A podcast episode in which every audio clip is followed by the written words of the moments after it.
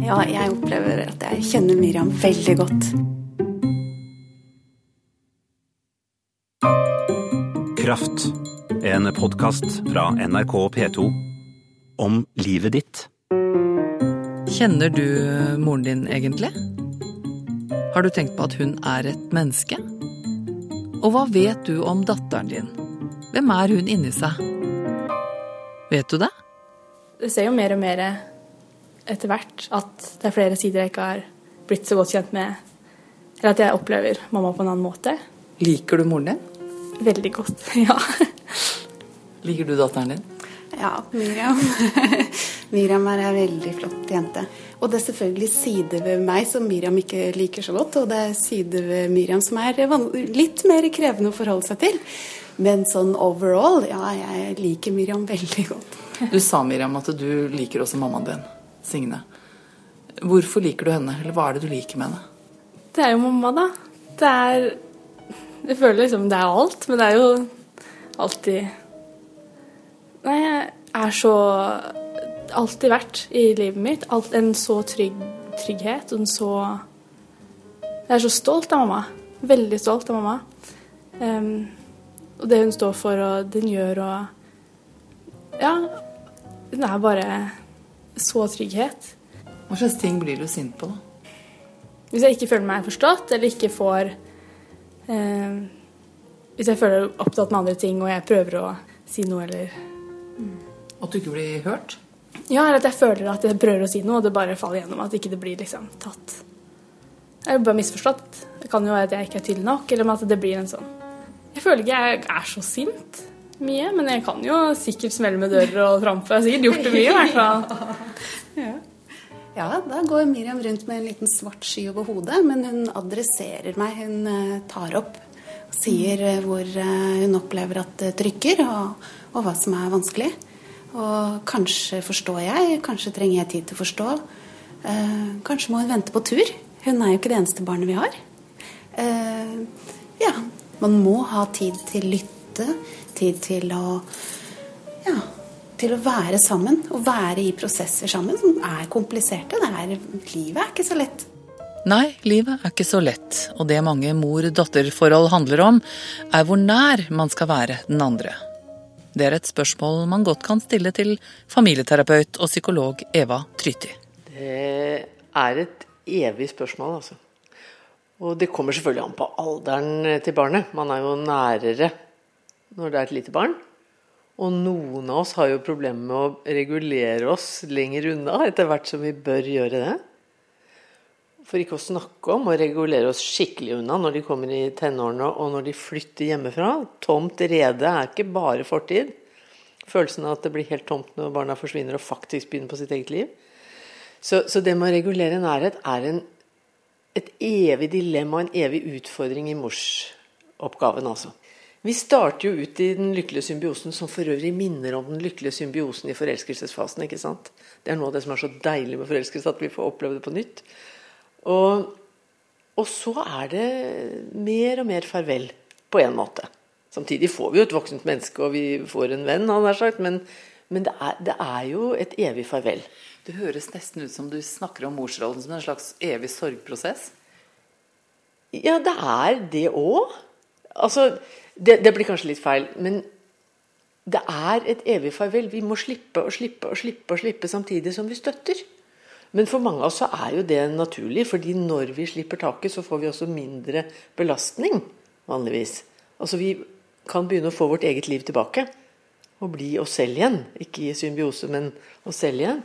Og, har, og, og da er jo noe av kunsten å glede seg over det lille barnet som begynner å gå, eller den tiåringen som plutselig greier å dra til byen alene, eller den tenåringen som vil ha hemmeligheter, eller det voksne mennesket som flytter ut og starter sitt eget liv. og Begynne å glede seg over det, og bli venner med den personen, er jo noe av hemmeligheten. Så det er jo absolutt også en gledeprosess.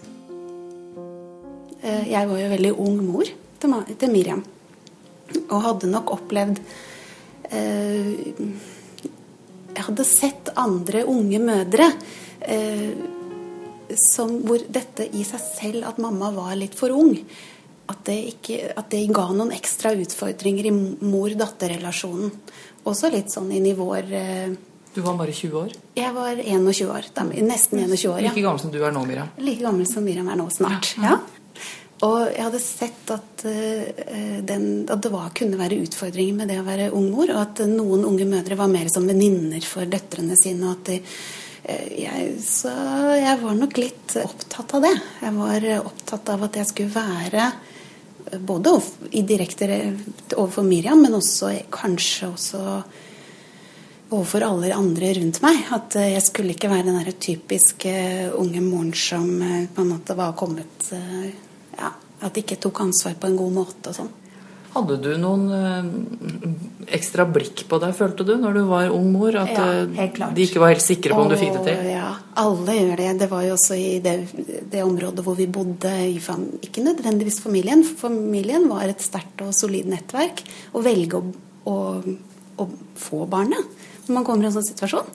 Ja, Eh, men alt fra helsestasjonen til eh, ja, foreldregrupper i barnehage og klasse. Ja da. De, du, du, hører det på kommentarene, og de passer på å følge litt med og sånn. Ja, Hva sier de da? Hele spekteret fra sånn Ja, jeg var ikke der da jeg var 21. Eh, til sånn ja, når barn får barn, da vet vi hvordan det går. Altså mer dømmende kommentarer. Vi snakker jo mye om det at man ikke skal bli venninne med sin tenåringsdatter osv. Men du mener at når de blir voksne, så kan man bli venninner? Altså, dette er også et svært tema i tiden, fordi vi har jo nå vært igjennom to generasjonsskiller, vil jeg si. Hvor mor og datter har hatt så forskjellig kvinnerolle at det har vært en del problemer som man ikke pleide å ha før. Hvor man ikke uten videre har kunnet lære av mor, og mor har følt seg fjern fra datters livsstil osv. Og, så og det der fortsetter jo, sånn at det har vært mange vanskeligheter mellom uh, mor og datter lenge. Den helt gamle morsrollen var jo absolutt ikke en venninnerolle. Heller ikke når datteren var voksen.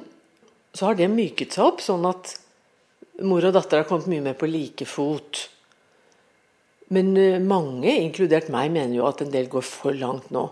At vi ikke lenger At vi har en tendens til å både skulle holde på evig ungdom selv, for det ligger jo i kulturen, sånn at vi har så lyst til å hoppe på og være venninner med jentene når de blir tenåringer og unge voksne. Og det kan ofte være veldig til belastning for de unge, altså selv om de kanskje ikke tør å si det. Og også at vi da ikke setter den strukturen og holder på de hemmelighetene og, og lager den avstanden som de unge trenger at vi lager. Altså De fleste unge jenter som jeg snakker med, og jeg snakker med mange unge jenter, de er veldig klare på at de ønsker ikke å vite alt om mammaene sine. De ønsker ikke å se mamma pærefull, og de ønsker ikke å vite noe om sexlivet hennes. Og de ønsker ikke å være på byen med henne, egentlig. Ikke sant? Det er jo også noe i det at hvis man blir for mye venninner, så, så, blir man enda mer invaderende. Og det er også noe som har ligget i den klassiske morsrollen. Fordi man er så intim intimt kjent med barna sine og så nær kontakt og gir så mye omsorg og er den som stiller opp når folk er helt nede, så kan det av og til føles plagsomt for, for barna og for døtrene, døtrene særlig, at vi kjenner dem nesten for godt. Og da er det viktig at vi også lager noen grenser, ikke sant? for ellers så blir de invaderende. Og vi har lett for å invadere noen av oss. Så du kjenner meg på en måte for godt til å vite alt om meg? Ja, Du kjenner meg så godt og vet så mye om meg at jeg må få lov å sette noen grenser. og Jeg vil gjerne at du også gjør det. Og jeg vil gjerne at du skal være litt annerledes enn meg, og jeg vil gjerne se at du er voksen med litt verdighet. Sier familieterapeuten Eva Tryti. Forfatteren Cecilie Enger har hatt stor suksess med boka Mors gaver. Romanen som handler om da hun fant en bok med notater med alle julegaver kjøpt og mottatt gjennom en hel generasjon på loftet, hjemme hos sin mor da de ryddet ut huset. Syns hun at hun eh, kjenner moren sin? På en måte så vet jeg at jeg kjenner eh, en god del av det som var moren min. Men fordi jeg selv er eh, mor, så vet jeg også at datteren min og sønnen min de, de syns nok selv at de kjenner hele meg. Men jeg vet jo at de kjenner på en måte bare mammadelen av, av meg. Den delen de ser. Altså mammadelen er selvfølgelig etter hvert som de er blitt store, ikke bare den der eh, mat på bordet og trygghet, men også at vi har liksom humor og diskusjoner og sånn. Men, men, det er jo i, veld, i, veldig mange sammenhenger så kjenner de meg ikke, tror jeg. Og på samme måte så er det vel sånn at jeg kjente en del Jeg kjente en god del av moren min. Men, øh, men det var helt sikkert veldig mange sånn yrkesmessige, private, venninneprat og tanker hos moren min som jeg ikke hadde noen tilgang på. Det, det tror jeg. Jeg merker jo på meg selv at det er veldig mye jeg snakker med en nær venninne om som jeg f.eks. ikke snakker med mine barn om. Usikkerhet i forhold til eh, mange ting hvor jeg ikke har lyst til å påføre dem en nervøsitet. Eh, noen ganger så tror jeg at barn ikke har så lyst til å vite alt mulig om foreldrene sine. Og jeg, jeg kan huske selv i hvert fall at da mine foreldre skilte seg, så ønsket moren min å snakke en del med meg om det, og at jeg syntes at det eh, ikke var så enkelt. Um, at det var sånn 'Dette har ikke jeg bedt om å få vite'? Ja. Uh, jeg husker f.eks. veldig godt noen ganger hvor moren min gråt. At jeg syntes at det Det var ikke det at jeg hadde noe vondt av å se det. Og som voksen selv så skulle jeg jo veldig gjerne reagert litt voksnere enn jeg gjorde den gangen. Uh, nemlig med å trekke meg liksom tilbake. Men, men, hvis jeg skal tenke på, på egne barn, så jeg tror i hvert fall at de uh, fortsatt både han på 18 og hun på 14 de, de spør nå om ganske mye og informerer ganske mye om sitt eget liv, som gjør at jeg, at jeg skjønner at de på en måte spør meg har du hatt det sånn. Er dette en tanke, er dette en følelse du har vært i? Og jeg, jeg syns at vi har noen fine samtaler ut fra at de begge forteller om episoder som enten er fine eller som er vanskelige, eller hvor de ikke visste om de reagerte riktig, eller, eller hvor de etterpå tenkte at de reagerte for mye. Og, og, på den måten spør liksom Er dette kjent for deg, mamma? Har du hatt det sånn, eller um... Det er for å sjekke ut eh, med et menneske som er veldig erfaren, da. Som står ja. dem veldig nær. Ja, kanskje. Er det sånn livet kan være? Har jeg misforstått? Ikke sant? Ja, jeg, jeg tror det. Jeg tror at, eh, at, det er en litt sånn finurlig måte å både få vite noe om foreldre på, og samtidig spørre om har jeg oppført meg greit, eller er dette normalt? Det, er, det, er, det, greit å være avvisende i den situasjonen, eller det, er det OK å være at jeg ble sint da, eller, um, eller skuffet eller lei seg, eller men jeg merker at vi kan ha en del sånne, sånne samtaler, men, men, ikke at uh, mine barn spør meg ikke veldig hvordan føler du det i forhold til det. Det er mer sånn at jeg forteller dem i vei om hvordan jeg tenker om ting, og så hører jeg vel at de sier liksom å ja, OK. Syns du det er viktig å, å være et godt forbilde for ungene dine? Eller blåser du i det og tenker at her frem ser hele mennesket? Jeg ønsker nok å være et godt forbilde, uh, ja. Men jeg ønsker vel også at de skal se hele mennesket. Ja, det var et veldig sånn ja takk-svar. Uh, men det skjønner du hva jeg mener. Eh, ikke bare sånn at du, du, må gå riktig over gaten og alt det der trafikkreglene som vi lærer dem når de går i første klasse, og vi går jo aldri så ordentlig over gata noen gang ellers. Ikke bare sånne ting, men, men, men også det der med at Vet du, De naboene der liker jeg ikke, og jeg mm. tåler ikke trynet på hun dama borti mm. gata her, og alle disse tingene som er sånn eh, Sånn som bare skjer inside ved kjøkkenbordet. Eh, er du usensurert i forhold til dem, eller tenker du nei, her driver jeg og mm. oppdrar, så her må jeg liksom oppføre meg? Ja, jeg gjør nok det, tror jeg. Jeg er i hvert fall ikke helt usensurert. Ehm, for det F.eks. For i forhold til skole så merker jeg at jeg, jeg, yter motstand der jeg hos noen andre kanskje ville sagt hva for en idiot og en lærer som sier sånn, f.eks. Så merker jeg at jeg oftere tar eh, Er du sikker på at eh, det var en grei situasjon å være lærer i? Altså at jeg, jeg oftere spiller opp den derre uh, Det speilet, da. er Nok, og det, det, kanskje det er litt irriterende, faktisk. Du sa 'spiller opp', du brukte det begrepet. Og da må jeg spørre deg, ja, spiller du da egentlig? Spiller du liksom en god mor med gode intensjoner Nei. om hjem-skole-samarbeid? Nei, men jeg syns vel kanskje at det er viktig å være en som, en som eh, Og kanskje ikke det er bare i forhold til barna, men altså det er jo viktig å vise to tenårings ganske på vei til å bli voksne barn, at det er ikke, det er ikke så sort-hvitt alltid. Altså, det er ikke sånn at læreren er en dust som ikke skjønner noen ting. Altså, det, jeg merker at jeg, får, at jeg, har et behov for å uh, for å si at det er, kanskje var det grunner til å reagere sånn, og så kan man heller konkludere etterpå med å si at ja, da, jeg er helt enig at det var en utrolig dum måte å reagere på. Det er jo et element i det hos barn også, at de tenker moren min skal i hvert fall holde med ja. meg. Og hvis du da tar andres perspektiv, så kanskje det blir mm. irriterende? Men det er jo ikke alltid sånn. Jeg jo ikke alt, har ikke alltid det der voksne se på verden-perspektivet. Men av og til. Og så tenker jeg vel også at det, det, er, det, er, ganske greit å vite at når jeg er helt på deres side, så er jeg det. Hvis jeg alltid tok det perspektivet deres, så blir jeg en man ikke, de ikke helt kunne stole på, tror jeg. Er det ille hvis de ser at du har dobbeltmoral? Nei. Nei, det er ikke noe ille. Det har jeg jo i, i ny og ne. Altså, det er jo ikke sånn at fordi man passerer liksom myndighetsalder, så blir man liksom klok og gjennomtenkt og rasjonell. og I hvert fall har ikke det skjedd med meg. Man alltid står for gode verdier? Nei, det, sånn er det jo ikke. Jeg tror at hadde jeg liksom vært en som viste at jeg alltid sto for gode, gode, verdier, så hadde de jo på en måte sett veldig, veldig fort at det, dette her er det sånn det, det, stemmer ikke med virkeligheten. Så jeg tror kanskje nettopp det at Eller jeg kan håpe at det er sånn at det at eh, mine barn ser at jeg prøver, prøver å gjøre ålreite ting, og får det ikke alltid til, og at det gjør at de også henvender seg til meg om ting som ikke er så Hvor de kanskje selv ikke har gjort noe som, er, som de er så stolt av. Det er kanskje ikke så lett å komme til en voksen og ha gjort, gjort noe dumt og ønske å diskutere det hvis du kommer til en som, aldri, som er sånn feilfri. Eh, det tror jeg ikke at jeg selv hadde syntes var så greit, i hvert fall.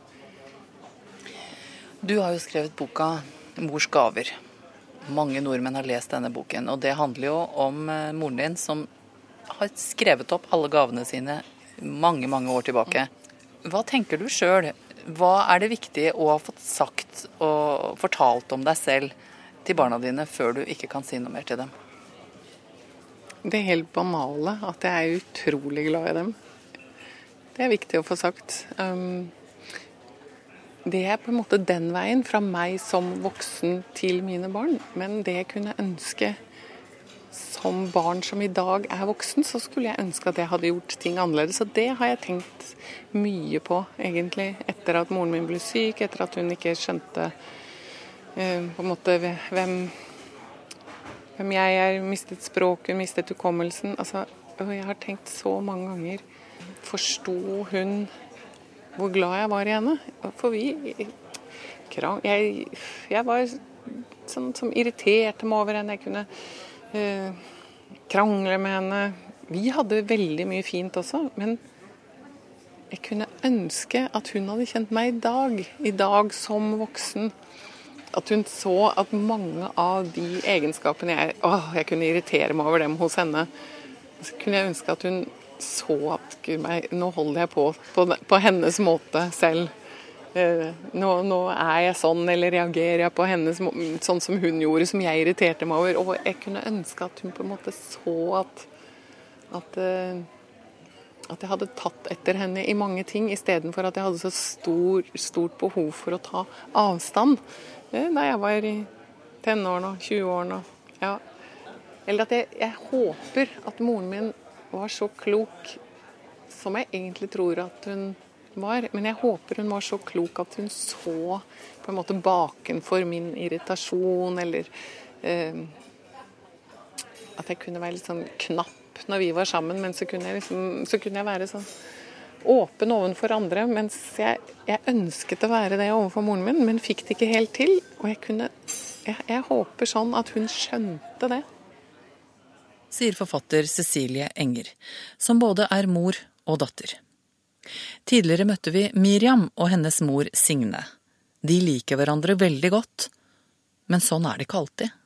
De fleste som da har empati og nokså god kjærlighetsevne, de, om de ikke liker livsstilen, så er de jo glad i personen for det. Men de kan allikevel prøve å påvirke og, og, slite med å slippe taket og la datteren få være seg. Og Det er også en, en annen ting som ligger i den klassiske kvinnerollen. Dette, dette er vel mer kanskje feministisk tankegods, men, men, jeg tror det er veldig riktig. Nemlig at i den gamle kvinnerollen så ligger en forventning om at vi kvinner skal være like. Altså, Vi skal være like venninner våre, vi skal ha samme verdier, samme livsstil, samme påkledning, hva det måtte være, samme syn på sex. Og det har vi jo ikke.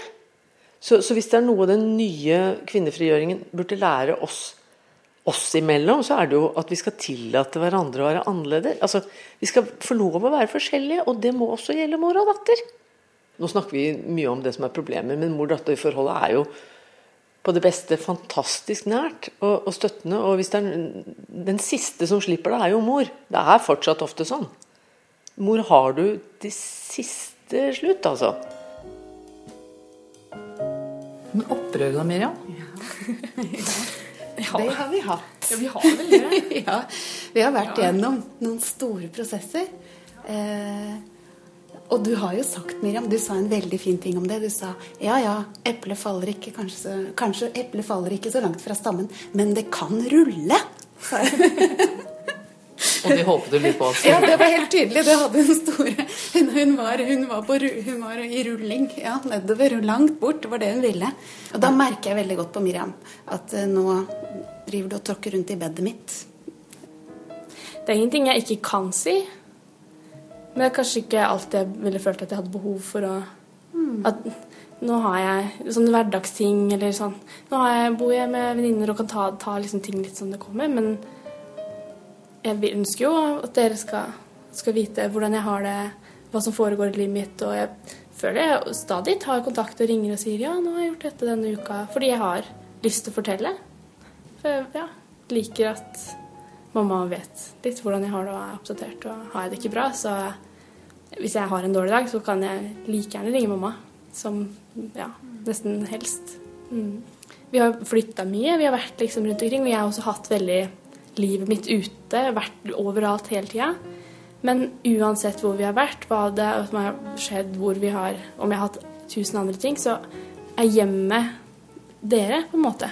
Mamma blir hjemmet og en trygghet og stødig og alt det der. Så det er sånn. Det er det viktigste. At du vet at mamma er alltid der. Ja. Til slutt, Eva Dritte. Hvordan vet du at du er en god mor? Det var et vanskelig spørsmål. De, altså, en god forelder er jo en som både er varm og har struktur. Det vet vi i psykologien. Og det gjelder også mødre. Så varme og struktur. Og varme er jo empati og kjærlighetsevne og vilje til å tilgi og alt dette her. Og struktur er f.eks.